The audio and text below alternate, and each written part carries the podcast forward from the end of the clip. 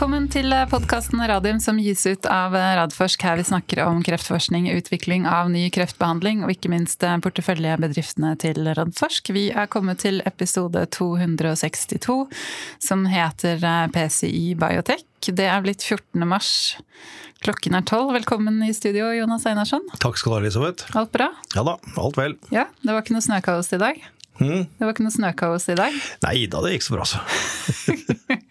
I går var det snøkaos. I går brukte jeg T-banen. Ja. Det var det vel det eneste som gikk i Oslo, så jeg er fra hjemmekontoret. det var det det. var trygt, trygt plassert. Eh, Og velkommen til eh, gjestene våre. Ronny Skugedal, administrerende direktør i PSTI Biotech. Tusen takk for det, Elisabeth. Og Morten Lur, ansvarlig for forretningsutvikling i PSI Biotech. Hei sann. Veldig hyggelig å ha dere med oss. Eh, Vi gjør det sånn i dag at vi tar nyheter etter at eh, vi har pratet med dere. Vi har litt nyheter vi skal komme. Vi skal til og med ha utenriks. Ja da. Ja, det tror jeg er første gang jeg har hatt med det som et sånn eget segment. Ehm, Men eh, aller først, før vi går i gang med å snakke mer om PCI, eh, så er det jo første gang du er med i podkasten, Morten. Og da har vi jo denne velkjente tradisjonen at vi gjerne vil at du gir en litt eh, større og bredere presentasjon av deg selv. Så vær så god.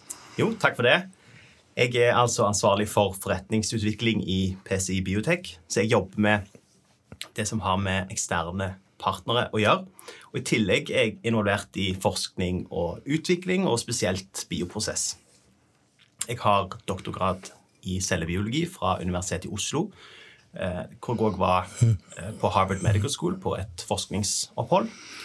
Og etter doktorgraden så jobba jeg med produktutvikling i Tabo Fisher Scientific. Og spesifikt med storskala produksjon av CAR-T-behandling og utvikling av Dyna Select, instrumentet som nylig ble lansert, og som har fått litt oppmerksomhet i denne podkasten i det siste. Absolutt. Så da kan lytterne spole seg tilbake til den episoden som vi hadde i desember, tror jeg, om, om Dyna Dynaselect. Kjempespennende instrument og veldig viktig for celleterapi. Ja.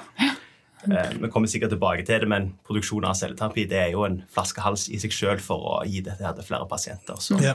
det instrumentet er en del av det. Ja, absolutt. Men um, Og så tenkte jeg skulle høre litt med deg, Rodney, Ronny, åssen det er å lede PCI Biotech under de rådende forholdene. Altså, det er jo nå knapt gått et år siden dere måtte stoppe release-studien, og så sluttet jo tidligere administrerende direktør Per Valda i juni i fjor. Eh, Gikk da over til Exact.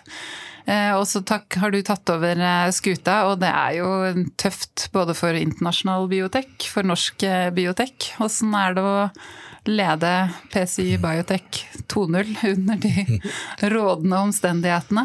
Ja, nei, det, det, det kilte godt i magen når jeg fikk denne muligheten i fjor. Men jeg er jo ydmyk for den muligheten, og takknemlig for støtten fra styret. Og det sammen med det teamet som vi har i PC Biotech, som jeg har vært en del av over lang tid, så, så var det en, en utfordring som jeg hadde lyst til å, å ta. Um, de er jo Selskapet er jo i en utfordrende situasjon, både med historien og de øh, rådende omstendighetene.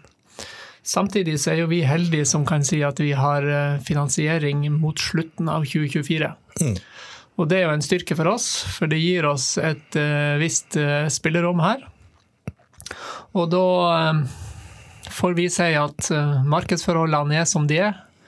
Vi får ikke påvirka dem, vi må forholde oss til dem. Og så må vi jobbe smartest mulig med de ressursene vi har. Det er greit å ikke måtte ha penger akkurat nå. Det mm, Ja. Ja, kort oppsummert. Yes. Vi kommer tilbake til det uten, utenriksdelen også. Men um, hvis du skal gi en status for selskapet PCI Biotech eh, per i dag, kan du ikke begynne der, Ronny? Jo. um, Vi er i dag sju ansatte. Vi bor her på Oslo Cancer Cluster innovasjonspark. Veldig mm, bra plass å være. Eh, Vi har et tett samarbeid med Radiumhospitalet. Eh, Det er jo der vår teknologi kommer fra. Eh, PCI-plattformen ligger jo i bunnen for alt vi gjør, så intracellulær levering. Så vi har en muliggjørende teknologi, altså vi har ikke noen terapeutiske molekyler eller medisiner på egen hånd. Og det gjør jo at vi må ha en strategi der vi har eh, samarbeid i bunn. For å eh, komme i kontakt med andre selskaper, samarbeidspartnere, som har terapeutiske molekyl slash medisiner som har behov for intracellulær levering. Og det er et stort felt og et uh, kjent behov der ute uh, for det. Så i tillegg så kan jo selskapet også innlisensere ting og ta det inn i vår plattform. Eller så kan vi bruke generiske ting, altså ting som har gått ut av patent, og ta det inn i vår plattform. og det var jo det vi jobba med tidligere med FimaChem, og delvis også med FimaVac. Men eh, i fjor da så gjorde vi om på strategien. Eh, nå ønsker vi å fokusere på en plattformutvikling. Der eh, vi ønsker å komme inn i samarbeidsmuligheter på et tidlig stadie. Og da kan du jo si at vi også tilpasser oss litt omgivelsene våre. Fordi at vi tar da på oss prosjekt med mindre ressursbehov vi ser for oss kortere tidslinjer, så vi har en annen risikoprofil enn en tidligere og tradisjonell klinisk utvikling. Men fortsatt gode muligheter for eh, langsiktig verdiskapning eh, for selskapet.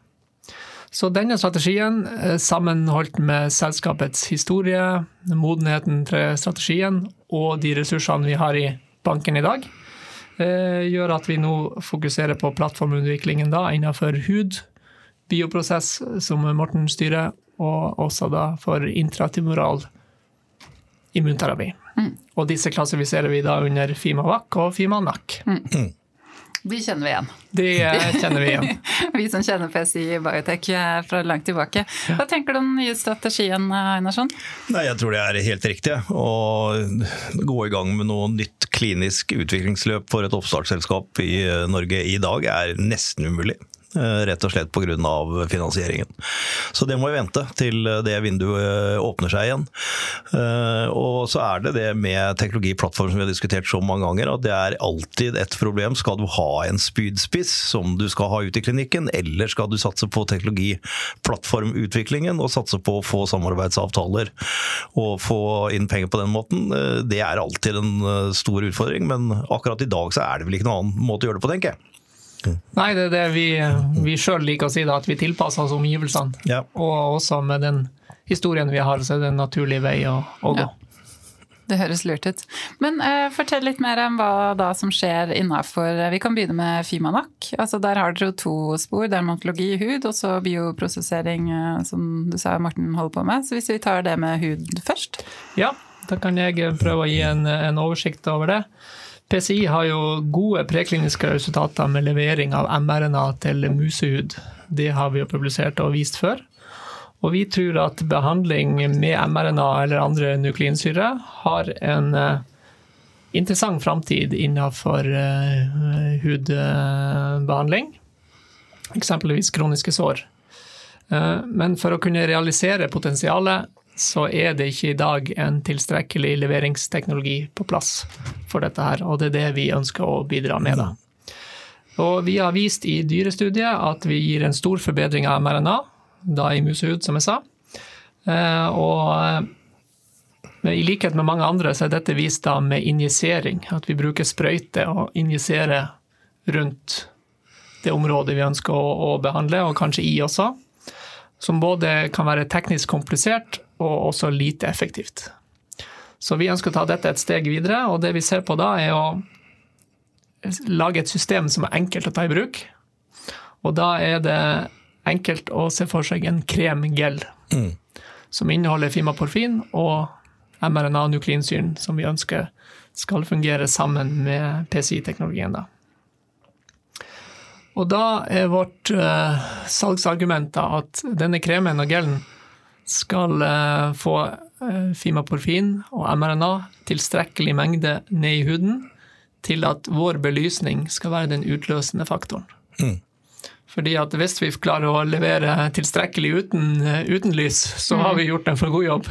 Så vi, er, vi har lys, og det, det, mener vi må til mm. for å få, få dette. Sånn at med den siste faktoren så har vi eh, en, et, et fortrinn her. Og um, foreløpig i dag så ser vi ingenting på markedet for slik uh, levering. Men vi tar dette stegvis, og eh, fokusering på levering i sår først. For at levering til sår er sannsynligvis lettere enn å trenge gjennom hud i første omgang. Så dette gjør vi nå da eh, stegvis med en eh, ekstern studie med en ekspert-CRO, der de rett og slett tar overskuddshud fra fettoperasjoner, eller, eller slankeoperasjoner, fedmeoperasjoner. Mm. Og så tar de dem inn i sitt laboratorium, spenner dem opp på en, en kasse eller en modell, og så lager et sår i den. Og så har vi en enkel vannløsning med fimaporfin og et modell-mRNA som dryppes i der, og så belyser vi etterpå. Og så vi, ønsker vi å se en, en eh, forsterkning av leveringen da, av dette mRNA, modell-mRNA, i, denne, i denne eksterne studien. Og dette skal ha avlesning nå da i første halvår 2023. Og med, den, med gode resultater i den, så ønsker vi da å bruke det for å komme i kontakt med eh, spillere innenfor dette området som har eh, mRNA eller annen nukleinsyring i tidlig utvikling. Og vi vet at her er det en del i tidlig utvikling, og vi vet også det at for PCI skal komme inn, så er det viktig at vi kommer tidlig inn.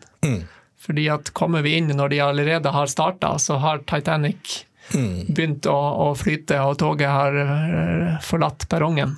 Sånn at, at dette er i en tidlig fase i en slags utvikling for hele hudområdet, er også en veldig god match for oss i denne sammenhengen. Så bra. Ja. Det blir spennende. Og så eh, det dere gjør innenfor bioprosessering, det skjønner jeg det er det du som har koll på, Morten? Ja, han, eh, Morten har eh, koll på det, men jeg hadde lyst til å si litt grann, om historien eh, først der. Ja, gjør det. Eh, fordi at dette er et prosjekt som hovedsakelig ble påstarta i fjor, i 2022. Og det ble faktisk eh, jeg si, første gang introdusert for oss av en ekstern samarbeidspartner. Som så at her var det en mulighet for PCI å bruke den innenfor bioprosess. På det stadiet så ble det ikke noe mer eh, ut av den ideen og de diskusjonene. Eh, men eh, vi la prosjektet til modning. Så kom restruktureringen i fjor.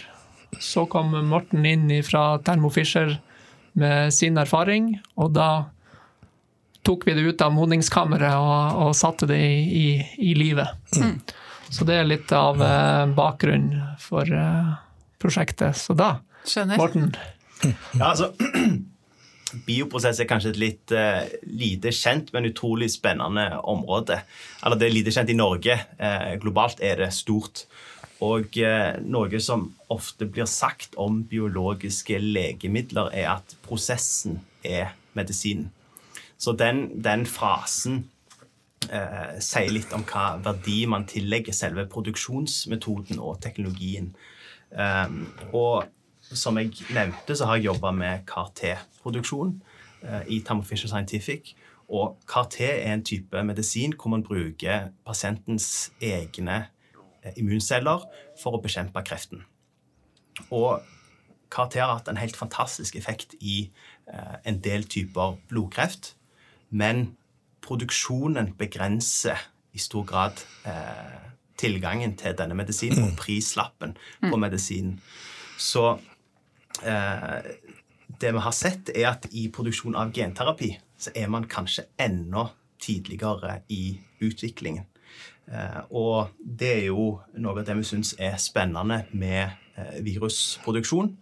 Og helt konkret, det vi eh, jobber med, eller det produksjon av genterapi går ut på, det er å bruke levende celler i kultur. Så sånn sett er det annerledes enn KT-behandling. Man bruker celler i kultur for å lage virus. Og i en terapeutisk setting så kalles disse for virusvektorer. Vi kan enkelt kalle det for genterapi. Og eh, eh, målet med disse virusene eller genterapien det er å levere friske gener til pasienter med genfeil. Eventuelt gener som kan omprogrammere eh, biologien i vev, som er veldig spennende innenfor f.eks. behandling av eh, sår og andre hudproblemer. Og eh, eh, i fjor så submitterte vi et patent hvor vår teknologi brukes til å gi bedre utbytte fra virusproduksjon. Og vi er fortsatt litt hemmelighetsfulle liksom, rundt hva dette her faktisk går ut på. Og det har med at når man submitterer et patent, så har man tolv måneder til å utvide det patentet hvis man vil. Mm. Så den muligheten har vi ikke lyst til å eh, ødelegge for. Og ellers så har vi ikke lyst til å avsløre for mye overfor potensielle konkurrenter hva vi driver med. Men mer informasjon om det kommer eh, etter hvert.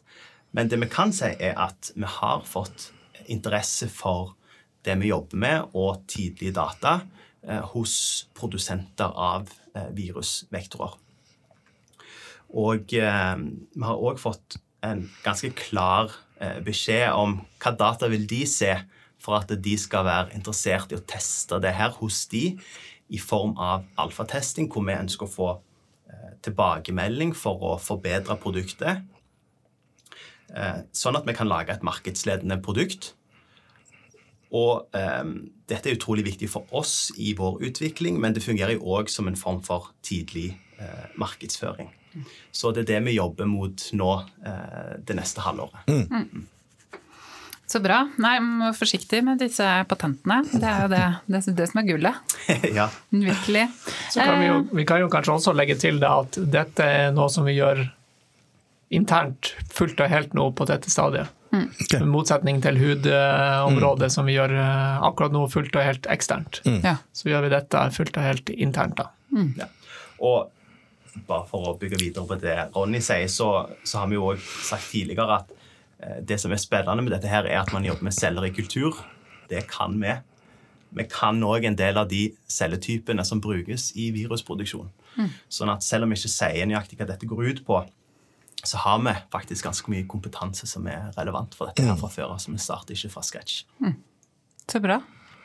Og så har dere jo enda et uh, produkt, Fimavac. Altså den teknologiplattformen for uh, intratumoral immunterapi. Hva er status og planer her framover? Vi har jo allerede prata eh, om CAR-T. Det er én form for immunterapi. Mm. En annen form for immunterapi er sjekkpunkthemmere. Og de har jo virkelig dominert kreftfeltet de siste ti årene. Og mens sjekkpunkthemmere fungerer veldig bra i eh, noen pasienter, så eh, fungerer de ikke over tid i majoriteten av eh, pasientene. Eh, I stor grad pga. at pasientene har et sånn kaldt tumormikromiljø. Mm eller suppressivt mikromiljø. I tillegg så har sjekkpunkthemmerne en del bivirkninger som gjør det vanskelig å eh, øke, eller det begrenser i hvert fall hvor mye man kan øke doser og kombinere eh, med andre behandlinger.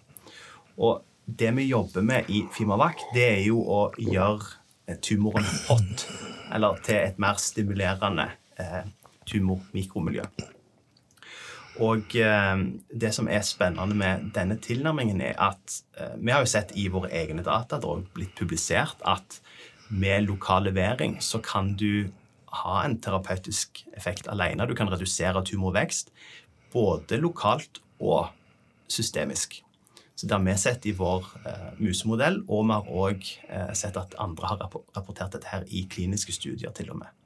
Så det er jo utrolig spennende. Men den andre eh, siden av dette her er at du òg eh, muliggjør en bedre effekt av sjekkpunkthemmere. Så, så, det målet er eh, todelt. Skal vi se Og eh, i forrige kvartalspresentasjon så presenterte vi jo nye data. Der viste vi anonymisert immunterapi, og vi viste at Fimavac kunne kraftig eh, forbedre effekten av den immunterapien. Dette jobber vi videre med, og vi har sagt at vi skal submittere et patent på dette her i Q1. Eh, så det er vårt hovedfokus, og, og å skape partnerskap med dette her. Mm. Um, og ellers er jo prosjektet støtta av NFR i form av et uh, PhD-prosjekt, mm. som òg gjør at vi kan uh, gjøre spennende studier for å forstå hva er det som foregår inni tumorene her. Mm. mm. Som igjen kan gjøre at du målretter eh, behandlingen enda bedre. Mm. Så bra. Er det nærings-ph.d.? Det stemmer. Ja. Mm. Det stemmer. Det er bra. Det er en god, det er en god ordning vi liker i selskapene våre. Absolutt. Den er ikke forsvunnet, den også.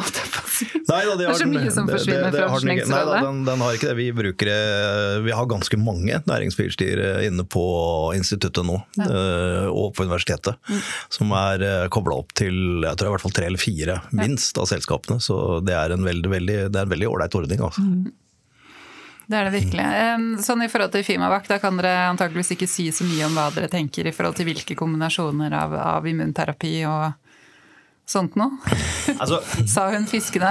nå, nå, nå har vi jo sagt at sant, fokuset er eh, det behandlingsregimet som vi presenterte i forrige kvartalspresentasjon.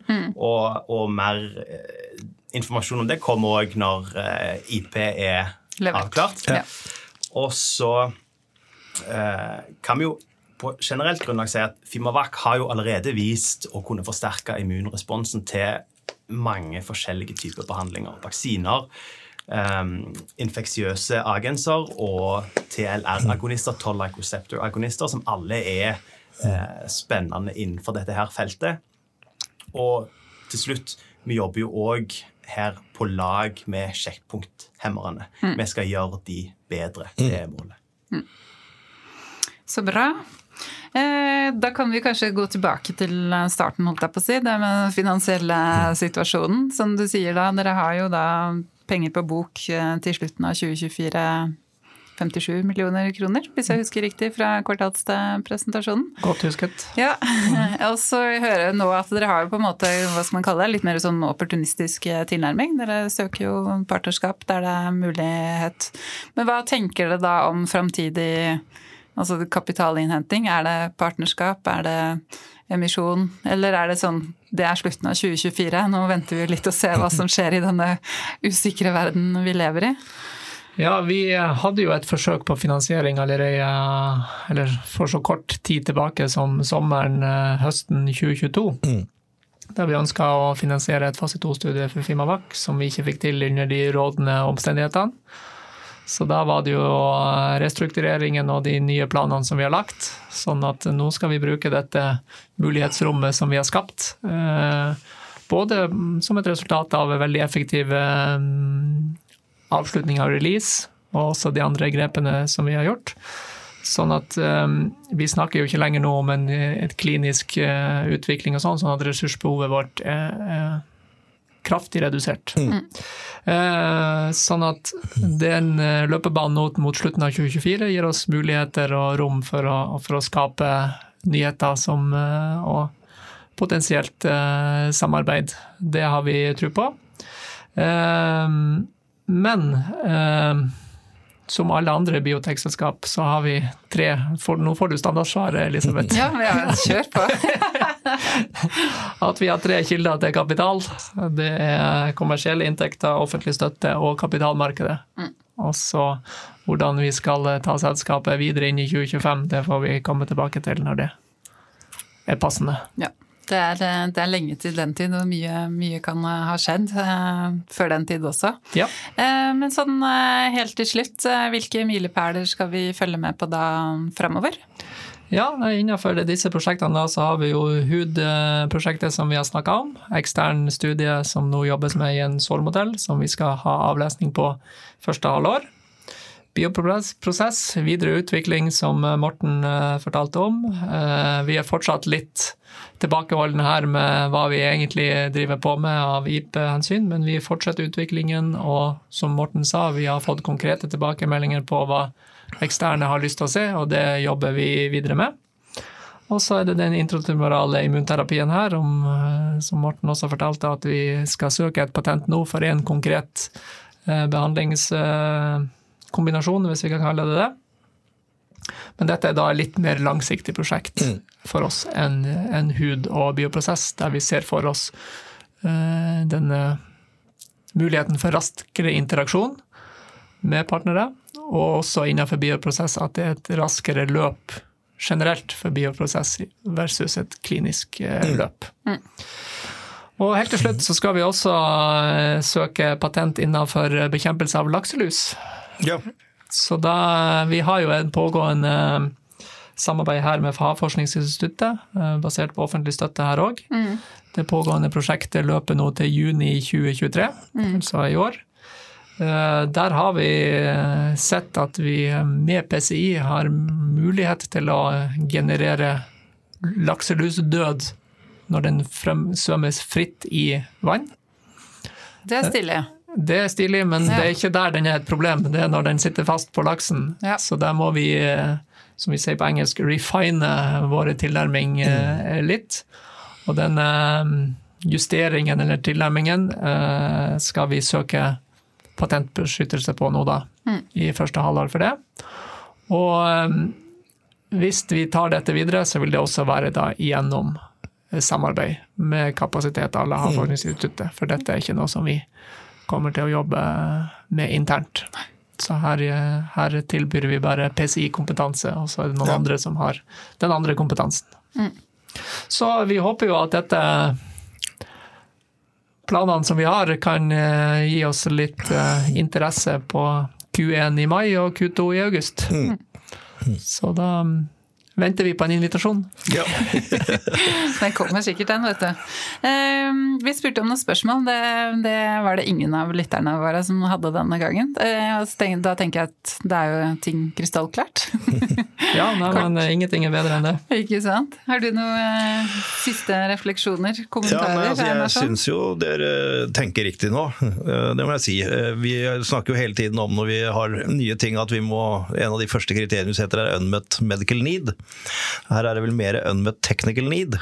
Eh, Som eh, jo da adresserer to eller tre av de virkelig store flaskehalsene. Det er jo ingen tvil om at hvis vi skal videre med celleterapi, ikke bare CAR-T som du snakka om, men, men enten det er TCR og NK og alt det som foregår, og få flytta det over fra, fra blodkreftsykdommer til eh, solide tumorer også, så må vi få bedre orden på den prosesseringen og tid og penger som det tar i dag. For det er som du sier, det er jo hovedgrunnen til at vi det er såpass lite av den som det er uh, i dag i bruk, er jo nettopp kostnad og tidsspørsmål. Så vi må liksom ned fra 40 000 dollar til 1000 dollar, og vi må ned fra hva er 7-10 uker til 14 dager i hvert fall. Altså det er den, den veien man må gå. da. Og hvis, man, hvis dere kan, kommer dit at det er noen som banker på døra og sier at uh, ja, men den teknologien har vi bruk for, eh, og det gjelder jo også for så vidt innenfor immunterapi, det er jo eneste måten å få noen dealer på innenfor teknologiplattformer. Det er at noen, altså, det, du, du kan ikke gå ut, du må gjøre det, men det er veldig vanskelig å gå ut og selge en ny teknologi. Men hvis noen kommer og sier at den har vi bruk for, da kan det plutselig bli en deal. Så det er i hvert fall to veldig viktige unbet technical leadere jobber innenfor. Så bra. Lykke til videre. Tusen takk. Jepp, takk for oss.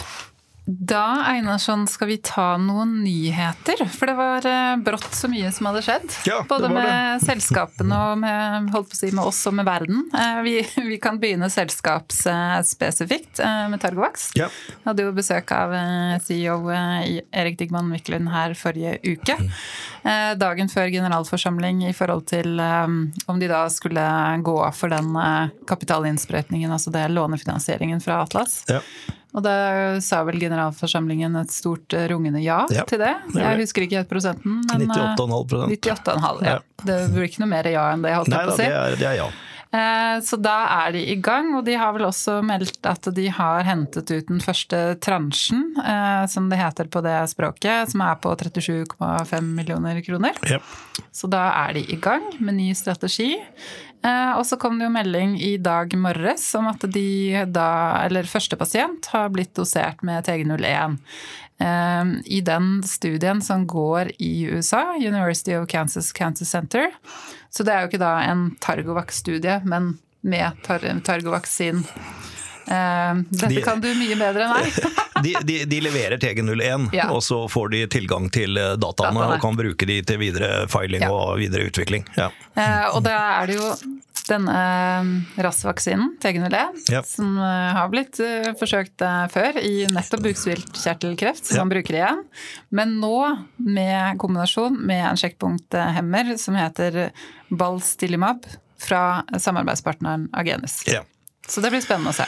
Ja, det blir kjempespennende. Eh, kanskje endelig vi kan få, liksom, få brukt den eh, på riktig måte. Vi begynte jo med den i, eh, ikke-operable bukspyttkjertelkreftpasienter, og det vet vi jo dessverre går fryktelig dårlig med de. Vi fikk noen indikasjoner på noen effekter allerede den gangen, og så gjorde vi den i eh, opererte eh, pasienter, men da i kombinasjon med cellegift, eh, og fikk også gode data på det, eh, som vi var egentlig veldig optimistiske og fornøyd med, og tenkte at uh, vi hadde vel ikke gått videre med kombinasjonen der. Vi hadde nok venta på muligheten for immunterapi, for vi så allerede da at uh, kreftvaksinene aleine trenger noe mer, og det er jo nettopp sjekkpunkthemmerne. Mm. Så den kombinasjonen kan jo da kanskje vise seg at den har noe for seg nå. Og jeg syns det er litt morsomt da, både med, med, måten de har satt det opp på, uh, fått det finansiert på,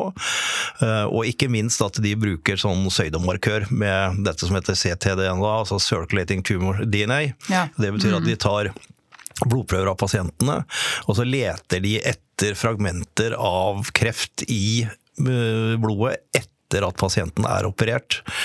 Eh, og det er de som har det, som mm. kommer inn i studien. Og så kan de da følge dette CTDNA videre fremover. Og så er jo hypotesen at hvis man kan vise at man får mindre, eller eh, til og med at det blir borte i blodet etter behandlingen med denne kombinerte immunterapien, så vil det vise seg å gi en lengre tid til tilbakefall og en bedre overlevelse. Det er liksom hypotesen som er, er spennende å teste ut. Ja. Mm. Og i en svært viktig kreftform. Ja, Her har det jo minst. ikke skjedd holdt på å si noen ting, eh, siden man har fått cellegift. Knapt at det fungerer, holdt det fungerer jeg på å si. Ikke. Så, eh, og så er det jo altså dette TG01 for altså De som har fulgt oss lenge, kjenner jo til det, men dette er jo et av de prosjektene fra Gustav Gaudernack og Jon Amund Eriksen fra Norsk Hydro um, da de var inne og sponset eh, Kreftforskningsinstituttet. Eller Institutt på, for kreftforskning, heter det. Helt tilbake på 80-tallet, ja. ja. ikke sant? Ja, nei, det er helt riktig, det. Så da begynner vi å snakke mange år her. Ja da, men det tar, ting tar tid i den verden her, altså. Men det var jo da tre Så de lette etter, hvis de skulle bruke kreftvaksiner, hvilke targets var det man kunne bruke, hvor man visste at de var helt essensielle og viktige for kreftcellene, for å være kreftceller. Mm. Uh, og at de ikke kunne mutere seg bort fra det. Det er liksom den motsetning til denne neoantigen-tankegangen, ja. hvor man ser på masse forskjellige mutasjoner og lager vaksiner Direkte mot det. det. Det, er liksom det, ja. det, er de to måtene å tenke på. Mm. Og da var det tre sånne targets som uh, Gustav Gaudnak og co. da kom frem til. Og det ene var H-tert, eller telomerase, mm. som noen sikkert kjenner igjen i Ultimovax. Uh, og så var det KORAS, eh, som eh, dette her er, altså RAS-mutasjonen. Eh, har de først fått den mutasjonen, så er det en kreftcelle per definisjon. Så det var den andre. Og den tredje var såkalte frameshift-mutasjoner, som er disse MSI-high-pasientene. Og det er det som Hubro holder på å utvikle. Så alle de tre targetsene som de da fant på 80-tallet, har vi nå i klinisk utvikling. Mm. Og da nå i kombinasjon med, med sjekkpunkthemmere. og vi snakka jo litt om det med, med disse eh, Ronny og co. Etter, eh, etter, at de var ferdige nå i stad. Og vi snakket også om det at dette med immunterapi flytter seg mer og mer over i en adjuvant og neadjuvant setting. Og da er jo en enkel vaksine som settes i huden et veldig lite press for pasienten. Mm.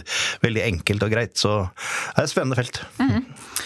Det er det, det er det, absolutt. Eh, vi kan gå videre til eh, Nycode. Eh, ikke noe nyhet fra, altså om selskapet, men nyheten er da at Mikael Engsig, administrerende direktør i Nycode, er nominert til en dansk pris som årets livsvitenskapsleder, ifølge Medwatch.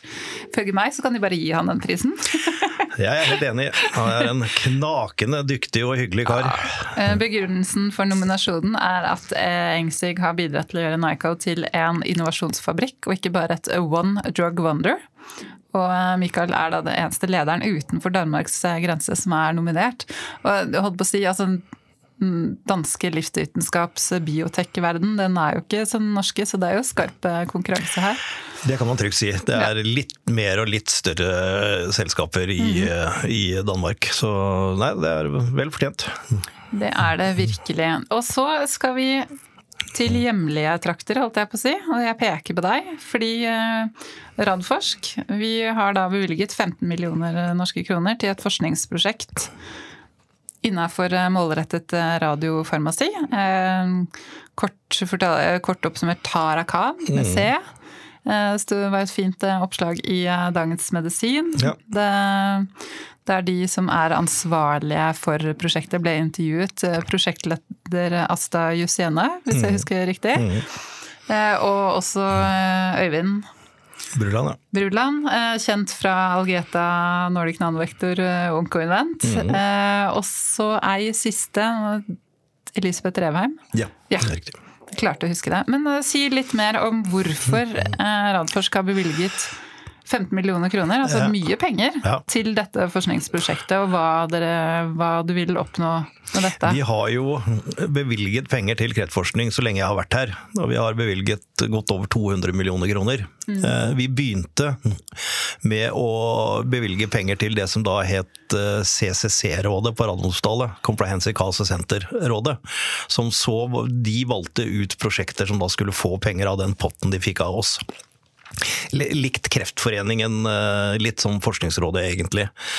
Eh, men så tenkte jeg at eh, jeg hadde mer lyst til at vi skulle bruke disse pengene så målretta som mulig til det andre beinet til Radforsk, nemlig til, både til økosystemet og til å få nye ideer som vi kunne starte nye selskaper på. Og da begynte vi å se litt etter hvor, hvor er det vi kan liksom ha utløsende effekt med ikke altfor mye midler, mm. Få i gang prosjekter ut ifra det. Og det første vi da fant, det var jo dette ACT, Avansert celleterapisenteret, mm. som vi gikk sammen med MUST-fondet og Kreftforeningen. Eh, og til sammen bevilga 50 millioner kroner til det senteret, som var egentlig overmodent. Det, det, det, var bare å få inn de riktige folka, og vi har jo snakka med Anna stedet her, og det, det, ser veldig, veldig spennende ut. Eh, og der håper jeg virkelig at det blir samarbeid mellom Targovax og, nei, mellom PCI Biotech og det senteret, nettopp fordi de skal jo jobbe med denne bioprosesseringen og, og produsere seg til celleterapi. Mm. Så det syns vi var veldig spennende. Eh, kommet godt i gang allerede. Eh, og så har vi jo et annet område hvor vi er veldig gode her, og det er jo innenfor radiofarmasi. Eh, og vi har begynt å bygge et miljø rundt Asta på det også, men hun trengte mer å få en om ikke et sånt full blown senter som ACT-senteret, men en pilot til et sånt senter. da, Og få penger til det, sånn at hun kunne ansette de riktige folka og bygge opp dette eh, i samarbeid med selskapene våre. Mm. Og da er det Vi har bevilga 15 millioner kroner, men sykehuset har også satt av ganske store midler til dette. Pluss at de er forplikta til å hente softfunding for å utløse disse midlene fra oss.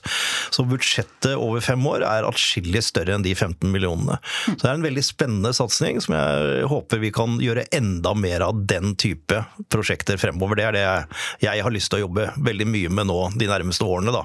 Å få det inn i økosystemet, så at vi bygger konseptet og infrastrukturen. Ikke bare bygninger, men hele konsept konseptet og infrastrukturen. Så det, det er veldig spennende. Stått uh, opp under forskning der vi allerede er gode på ja. kreftfeltet, og ikke minst altså utløse flere innovasjoner. Da. Ja, det er som det... tanken bak det. da. Mm. Så det er en del av det, store, av det store bildet av hele, mm. hele campusen. Mm. Ja.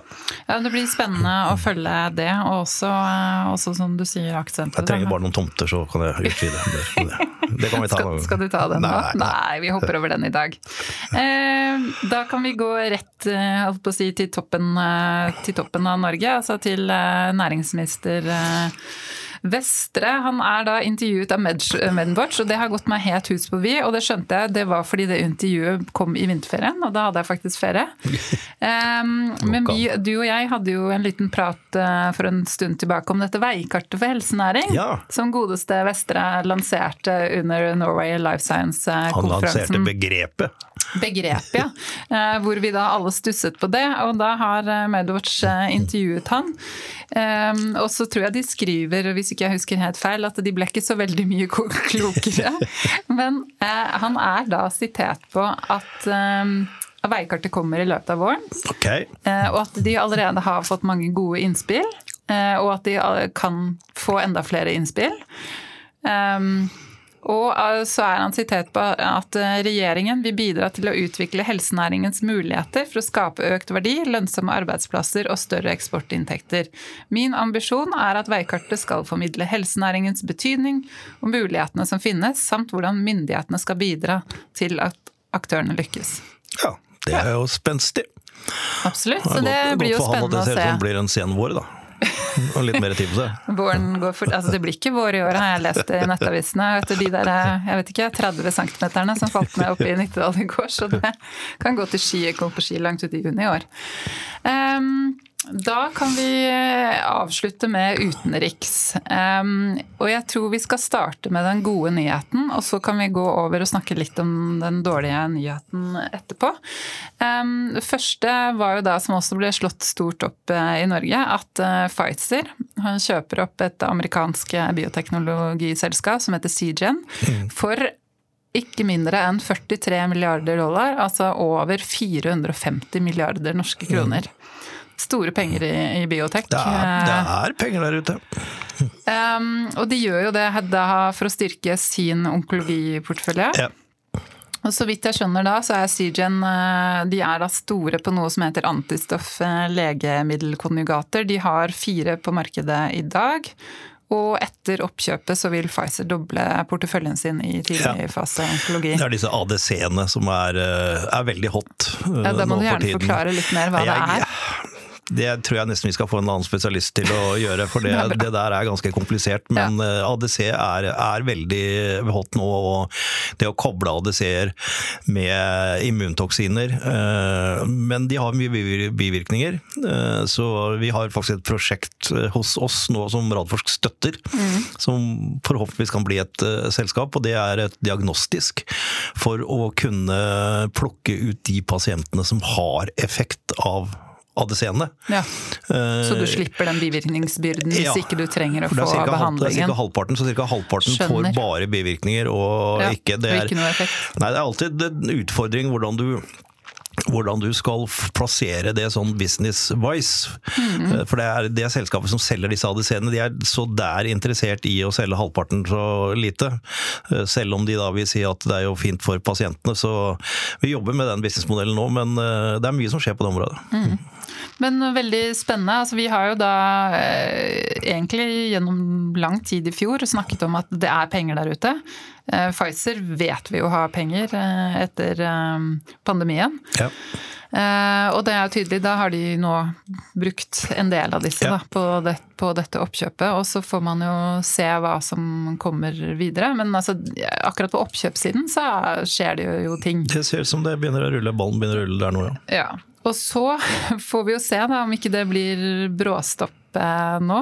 Fordi samtidig, i løpet av helga og i går var det vel det breaka, mm. at det da i hvert fall to amerikanske banker som er satt under administrasjon av det føderale sikringsfondene Eh, Silicon Valley Bank og Silvergate. Og det som var litt interessant med Silicon Valley Bank, er jo det er jo en bank hvor veldig mange oppstartsselskaper, hvis jeg så riktig E24, 37 000 mindre selskaper ja. har pengene sine. Biotek. Ja. Biotek, tech.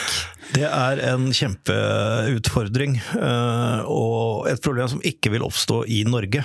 Eh, rett og slett fordi at vi har så store e- egenkapitalkrav eh, at de ville aldri fått lov til å gjøre det.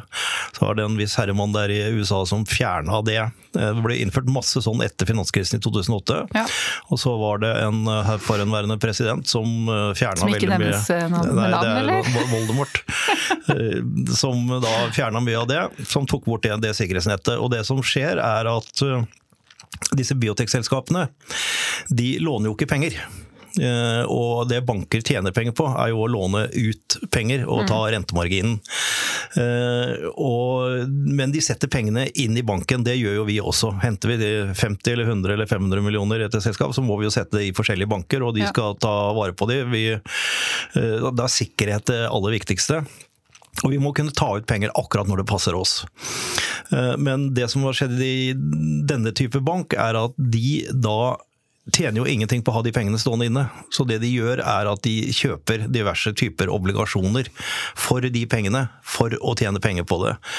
Men det, hvis det obligasjonsmarkedet da blir veldig vanskelig, eller ikke minst, det blir redsel i markedet, og alle selskapene som har penger i banken går og sier vi vil ha ut pengene våre. Nå, på samme Så, tid. ja, da må banken selge på ugunstige vilkår de Mm. obligasjonene de har, og det er det de taper penger på. Ja. Så istedenfor å ha nok egenkapital stående inne i banken, så har de bundet altfor mye opp i obligasjoner. Mm. Så sånn som jeg har forstått det, så er ikke dette noe som vil spre seg over hele verden, men det er en utfordring nettopp for vår bransje, som om ikke vi trengte mer nå. Ja, det, det kan man trygt si. I hvert fall det som jeg skjønte, da, er jo at um, myndighetene i USA har i hvert fall garantert for de pengene som ligger der. Det er jo Ja. veldig, veldig bra. Ja. Eh, For man får jo litt sånn gufs fra finanskrisa i 2008. Altså hvor mange banker går nå over styr.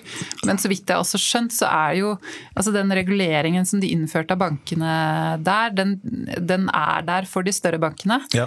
Men ikke for de små og mellomstore. Så der vil jo antakeligvis Små og mellomstore eh, i USA er ikke de det er samme som små og mellomstore i Norge. Så det, det, nei, du, har, du har helt jo rett i det. Annen dimensjon. Ja, Ja, alt er større i USA, er det ikke det man Jo. sier? Um, men uansett, altså børsene har, verden over har gått kraftig ned. Altså, børsene i Asia, som, i og med at de ligger foran oss, de har jo stupt. Ehm, så, så plutselig så ble det jo enda mer usikker tid. Jeg tror det eneste jeg har sett av et norsk lysglimt, er vel det at man, ikke, at man kanskje tror at rentene nå ikke blir satt opp like mye. Ja. Og det er vel også det de på en måte sier kanskje kan være årsaken til dette, at de har satt opp rentene for kjapt i USA. ja. Jeg vet ikke. Ja, jeg er langt inne på sånn eh, finans ja. som ikke jeg skjønner noe av, men som jeg leser meg til i, eh, i de herværende tidsskrifter som har med sånne ting å gjøre. Men eh, uansett, det var, ikke, det var ikke det vi trengte nå. Nei, det var ikke det. Så får vi se om dette er bare en liten sånn krusning og som vi sklir kjapt over, eller ja, hva som skjer. Um, uansett, over til noe langt mer hyggeligere. Uh, neste uke skal vi ha med oss uh, Carlos de Sosa, CEO i Ultimovax. Uh, og det er vel kanskje noe av det mest spennende som skjer innenfor norsk biotek for tida. Det som skjer i selskapet, altså det vi venter på da, skal skje. Dataene som skal komme. Ja. Ja. Så um, de som har spørsmål til uh, Carlos, eventuelt til Jonas, i og med at du er uh, styreleder, de kan sende det til uh, meg på engelsk. For jeg har ikke tid til å oversette. Og så gleder vi oss til å ha med oss Carlos neste uke. Takk for i dag.